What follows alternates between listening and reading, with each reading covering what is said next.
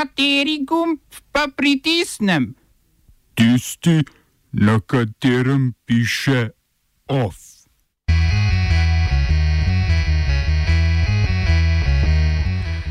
Premijer mednarodno priznane libijske vlade Fayez al-Sarraj po sklenitvi mirovnega sporazuma napovedal skorajšen odstop. Preiskovalci Združenih narodov venezuelskega predsednika Nikolasa Madura in vlado obtožujejo zločinov proti človečnosti. Ustavno sodišče omejitve gibanja na občine ni prepoznalo kot neskladno z ustavo. V kulturnih novicah pa, ali je upanje za Ljubljano bodočo evropsko predstolnico kulture.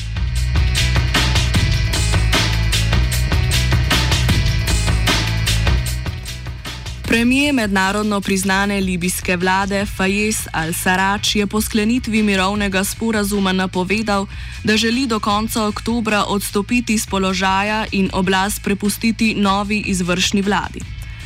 Predstavniki mednarodne priznane mednarodno priznane libijske vlade v Tripoliju in predstavniškega doma iz Tobruka so na pogajanjih pod vodstvom Združenih narodov prejšnji teden v Maroku namreč dosegli dogovor o kriterijih in mehanizmih za imenovanje funkcionarjev na ključnih položajih v državnih ustanovah, podjetjih in strukturah, kot so centralne banke, naftne korporacije in vojska.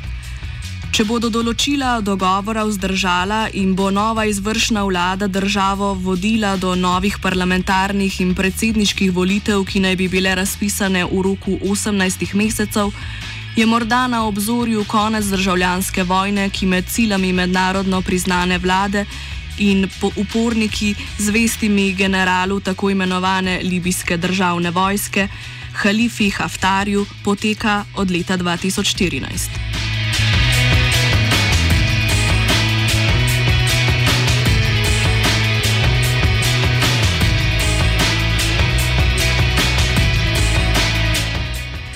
Preiskovalna skupina Združenih narodov je venezuelskega predsednika Nikolasa Madura in vlado obtožila zločinov proti človečnosti.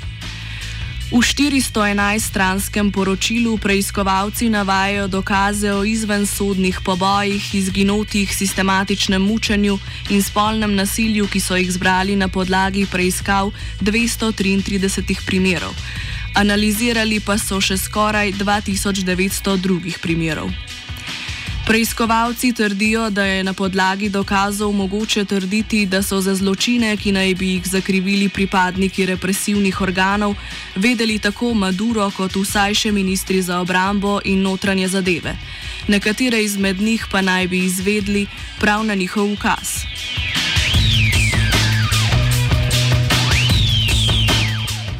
Poročilo, ki so ga predali odboru Združenih narodov za človekove pravice, je naslednje dejanje boja za oblast med Mandurom in samooklicanim predsednikom Juanom Guaidojem, ki bo ob sufliranju mednarodne javnosti v Venezueli potekalo od lanskega januarja.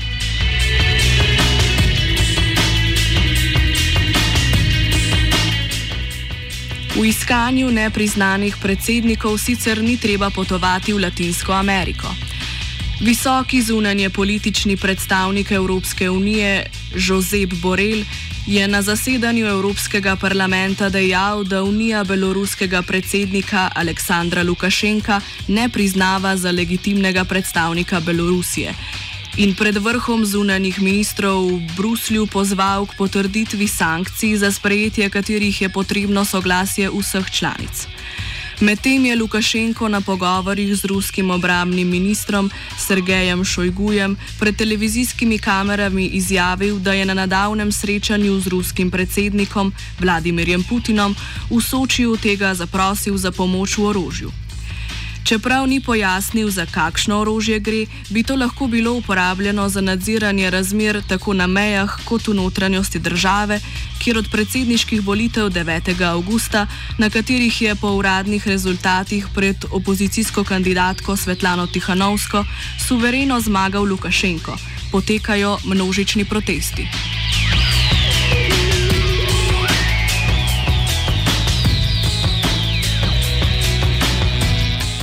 Na protestih je sodelovala tudi Marija Kolesnikova, politična aktivistka in članica opozicijskega koordinacijskega odbora, ki se zauzema za prenos oblasti. Proti kateri so preiskovalci sedaj vložili obtožnico zaradi ogrožanja državne varnosti. Kolesnikovi, ki so jo prejšnji teden ugrabili neznanci, na to pa so jo pod neuspešnem izgonu pridržali na belorusko-ukrajinski meji, grozi do pet let zapora. Temu bi sicer lahko se izognil tudi Lukašenko, saj so mu v primeru mirnega odstopa Tihanovska ponovem ponuja zaščito pred kazenskim pregonom. Oba, če, če bom odgovoril na angliški. Slovenija will try to help. Uh, we can. Slovenija will. Uh, and we will. Do our utmost. To say that the situation is. Our problem ourselves. And uh, we will. Uh, make further steps as soon as the conditions are. Bomo vlado Marjana Cererera Šarca podprli. Very, very serious. News from Slovenia. We know how and we will.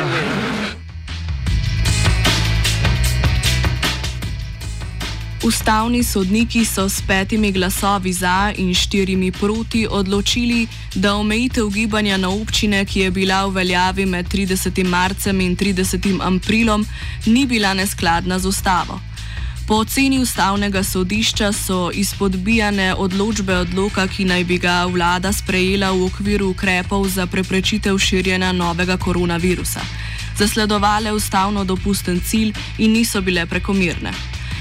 Poseg v svobodo gibanja z namenom preprečevanja širjenja nalezljivih bolezni je tako ustavno sodišče ustavno dopusten, če vlada z razumnimi razlogi že v času uvedbe ukrepa izkaže upoštevano verjetnost, da bi tak poseg lahko zaznavno prispeval k preprečevanju širjenja nalezljive bolezni.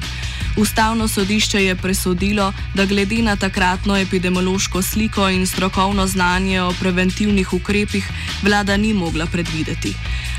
Ali bo že z uvedenimi ukrepi mogoče preprečiti širjenje okužbe do te mere, da bi bila vsem bolnikom neodvisno od zmogljivosti zdravstvenega sistema zagotovljena ustrezna oskrba.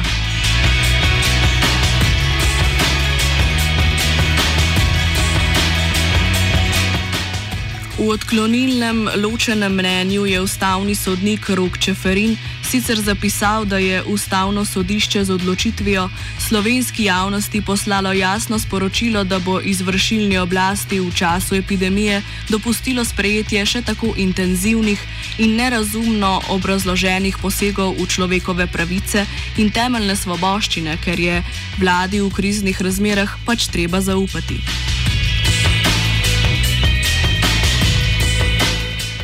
Državni svet je podprl predlog rebalansa letošnjega proračuna. Podprli sta ga Komisiji za gospodarstvo, obrt, turizem in finance ter regionalni razvoj ter interesna skupina lokalnih interesov. Nasprotovali pa so mu v Komisiji za kulturo, znanost, šolstvo in šport. OF je pripravil žiga.